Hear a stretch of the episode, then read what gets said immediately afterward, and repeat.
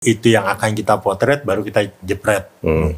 Itu yang akhirnya membentuk eh, kebiasaan. Jadi kebiasaan motret itu ya kita set up dulu, kita sudah yakin akan mengambil itu, baru kita jepret.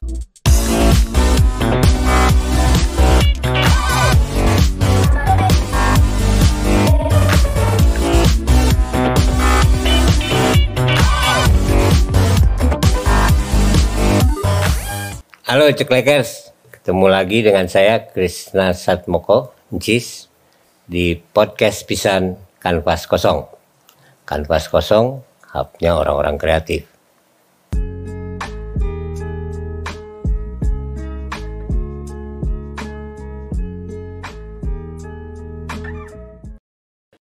Oke, sekarang kita ada di Bakum 23. Itu ada di. Eh, mana? itu eh, studio baru yang kita pakai buat podcast. kita pindah dari tempat yang kemarin, sekarang ada di Bakum 23. Eh, kita hari ini akan ngobrol dengan kawan saya yang udah lama banget nggak ketemu. Eh, dia seniman juga, ya fotografer juga gitu. Namanya Adia. Panjangannya Adia Rana Direksa. Karya-karyanya nanti kita lihat juara lah pokoknya ya. Eh, punya ciri. Nah, itu. Mangga kita langsung panggil aja Kang Adia, udah datang? Langsung ya. Damang, damang. Alhamdulillah. Aduh. Ah. Nah, ini Kang Adia. Dulu saya ketemu dia itu pertama dari belakang. Waktu zaman Dionas. Jadi kelihatan banget beda karena eh, dia nyetak udah bawa portfolio portfolionya yang kayak gini nih di dalamnya udah ada kontak sheet terus ada negatif kalau nggak salah dulu zaman mobilnya masih Mercy Wah, lama banget. ya. Dah, jadi kita emang udah lama nggak ketemu kita ketemuin lagi sekarang kita akan ngobrol sebetulnya lebih ke pengkaryaan Kang Adia Kang W-nya Mangga, mangga. sekarang kita akan ngobrol tapi sebelumnya mungkin Kang Adia bisa kenalin dulu diri sendiri Oke. Terima kasih kesempatannya untuk teman-teman di kanvas kosong. Satu kehormatan buat saya untuk bisa diundang di sini. Merasa luar biasa happy ya. Lama nggak ketemu Iya, para lama, senior lama. senior saya. Dan mungkin kalau saya perkenalkan saya Nama saya Adia, saya biasa dipanggil Adia. Latar pendidikan saya eh, sarjana fotografi. Hmm. Eh, waktu itu saya sempat mengenyam pendidikan di Itali di Roma. Dan selain itu juga saya apa belajar seni murni di universitas lain masih di Itali juga. Hmm. Nah, setelah selesai kuliah, sempat saya tinggal dulu di Itali, Hmm. sehingga akhirnya saya pulang ke Indonesia. Indonesia. Hmm. itu yang ketemu Itu. di Onas itu kali ya baru pulang tuh ya Ya, waktu itu Ah. mungkin baru pulang ya. Ini dari 2000 berapa gitu eh enggak 19-an itu ya 19 tahun 19 98. akhir ya Ya. 98 ya, masih asik-asiknya reformasi lah. Bah. Itu. Masih bermimpi akan terjadi perbaikan. Nah, Kak, ini sekedar ini aja. Jadi dulu itu emang langsung di Itali dari kecil apa gede dulu di Bandung terus ke Itali gimana terus? Waktu itu eh, kuliahnya aja sih di Oh, sana. kuliahnya di Kuliah sana. aja. Jadi ya mungkin karena setelah SMA mulai kuliah di sini sampai akhirnya ada kesempatan untuk bisa Berangkat ke sana. belajar di situ ya akhirnya pergi. Itu sebenarnya jam jauh sebelum ada sekolah-sekolah foto kan itu. Iya, Ya kan masih masih belum fotografi di di kita tuh masih belum seperti sekarang. belum. Oh Ya, jauh, jauh banget. Jauh banget kan. Kalau ngelihat perkembangan hari ini, ya mungkin saya bisa katakan bahwa anak sekarang itu jauh lebih oke Sebetulnya. dibandingkan periode zaman. saya waktu itu. Karena Iya. juga pengetahuan dasar fotografi belum semarak hari ini. gitu. Tapi eh, mungkin bisa cerita kenapa harus ke jauh-jauh ke Itali gitu? Ah. Apa alasannya dia? Kenapa Kang Adia teh milih ke sana? Apa karena di sana memang eh, sekolahnya proper? Karena yang saya tahu dulu zaman saya ya kita bareng sih mulainya ya. Hmm. itu cuma ada NY NY apa NYP eh, New York Photographer Institute Iya, iya, ya itu iya. by by by by online email gitu. Tempatnya Indra Leonardi. Ah. nah, kenapa harus ke Italia? Apa ada alasan Jawaban jujur atau jawaban ideal? ideal? Kalau jawaban ideal ya karena ingin pendidikan yang lebih baik. Iya. Kalau jujurnya, Kalau jujurnya sebenarnya accident di sana. Karena awalnya saya ke sana itu kan karena pendidikan saya di sini waktu itu masih sebagai mahasiswa desain produk. oh sebenarnya produk Ah. artinya. Oke. Jadi pergi ke sana itu tadinya saya udah keterima di Fakultas Desain Produk, Industrial Design Di Italinya. Di Itali. Oh.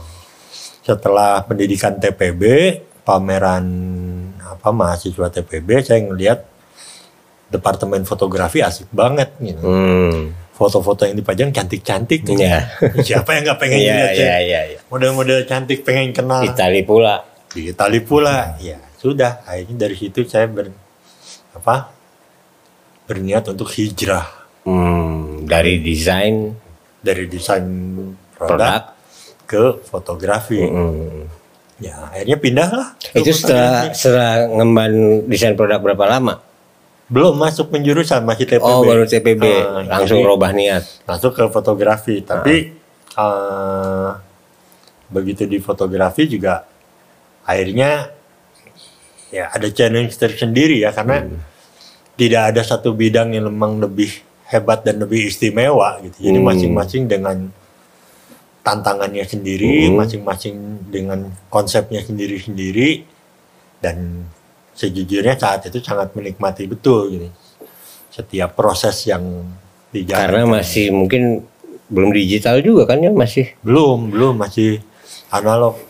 Yang saya tahu juga dia waktu eh, pertama itu kalau nggak salah kameranya juga bukan yang umum kan kamera apa pakai kamera 4x5 artinya yang View view, View kamera, kamera. Nah, large format. jadi nggak lewat 35 mm nggak langsung ke sana atau gimana ada Enggak, lewat Cing. Lewat. Jadi eh, pada prinsipnya kan motret itu awalnya kenapa harus 35 mili? Mm-mm.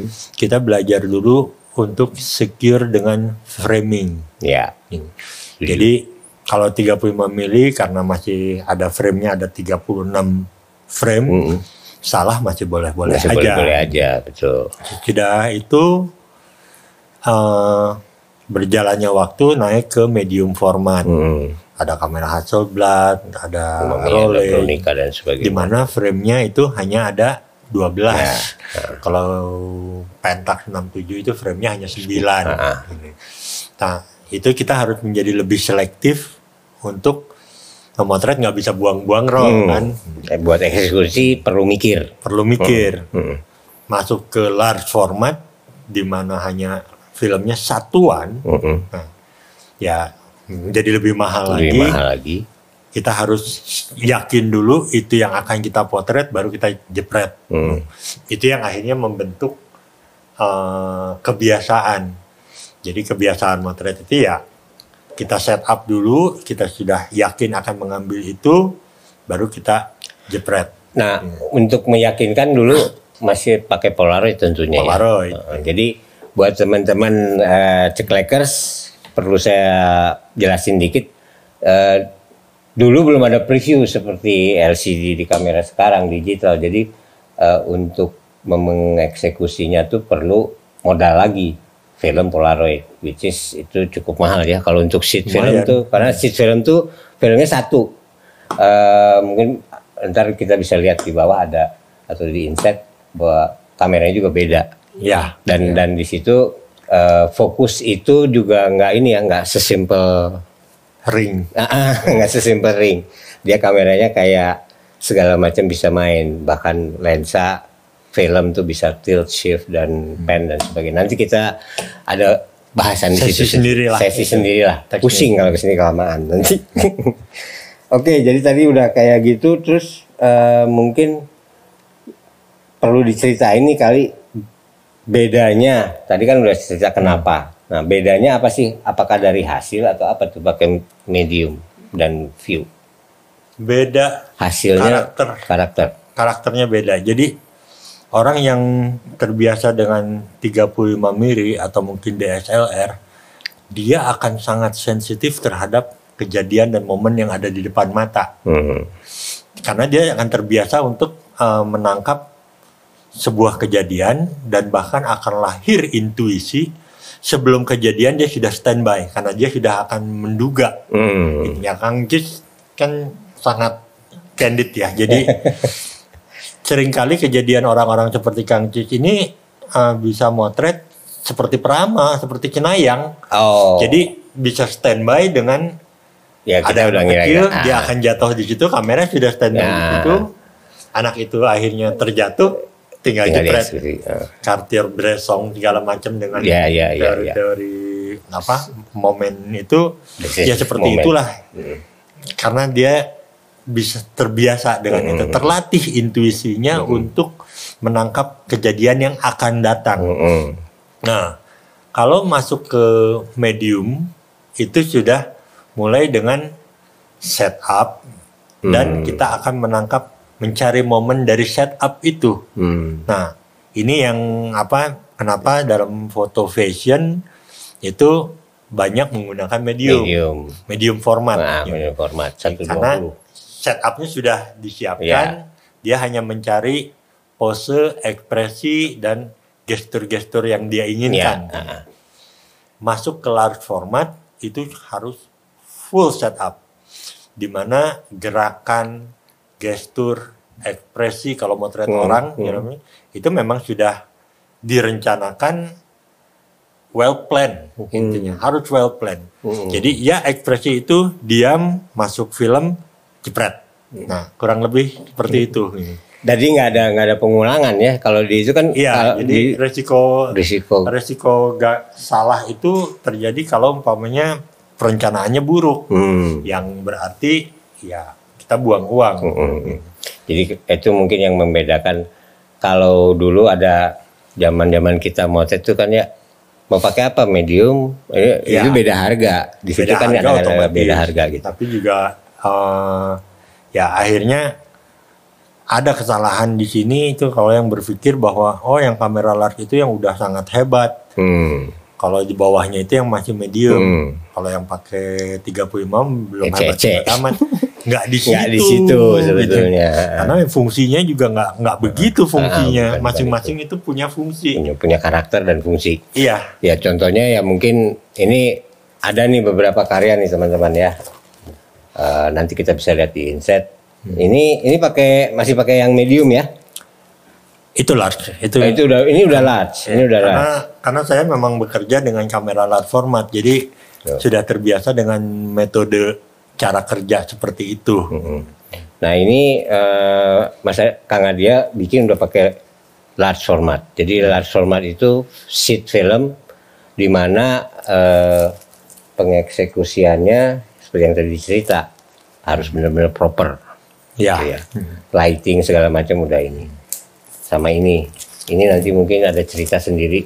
Saya pengen ada cerita Ya. sendiri. Tapi sebetulnya kalau kita lihat Instagramnya apa sih Kang Adia? Yang kita kan bahas fine art nih. Instagram saya tuh ada tiga. Oh. Saya lupa sih nama-namanya karena yang ngejalanin juga bukan saya. Tapi Oh ada ada yang ngejalanin. ada yang eh, Admin sendiri? Ada adminnya sendiri karena kalau bukan karena apa ya? Pertama saya sudah masuk golongan purba yang tidak tidak tidak update dengan teknologi gitu. Jadi ya Hmm. Teman-teman yang muda-muda ini yang jauh lebih mengerti daripada saya nampak bodoh di dalam Instagram lebih baik mereka aja lah yang ngerunning gitu. Jadi ada satu Instagram saya yang hanya berbicara isinya itu hanya tentang foto art. Ada satu Instagram lagi yang foto-foto eh, apa human figure Human dan figure. apa Oh, iya, commission iya, work. iya. Gitu. ah. Ada yang satu produk lagi ya. yang hanya uh, berbicara tentang uh, gambar, lukisan, Hmm. desain grafis, Hmm. dan itu tiga itu yang Tapi yang sebenarnya yang menarik ini adalah yang fine art. Hmm. Karena di situ bisa dilihat ada Kang dia pernah motret jantung, pernah motret tam apa? tampah, terus dikasih ikan, nanti kita kasih lihat fotonya. Eh, justru itu yang menarik. Jadi kayak eh, apa? Ada ada apa gundala dengan badan yang be- begang gitu ya. itu menarik. Terus anak ayam digantung gitu. Nanti kita akan bahas lebih lanjut. Sekarang kita ngopi dulu lah biar nggak stres. enak banget nih kopi. Ini kopi dari Cozy. Cozy itu tempat kopi, tempat kopi di Bandung. Oh, Koji tulisannya. Iya sering sering seringnya tuh ada huruf K merah. Ya. Kalau nggak salah di teman kita juga ada tuh di Budara. Oh di oh itu. Nah, Oke, okay. pantesan enak kopinya. Kopi ya.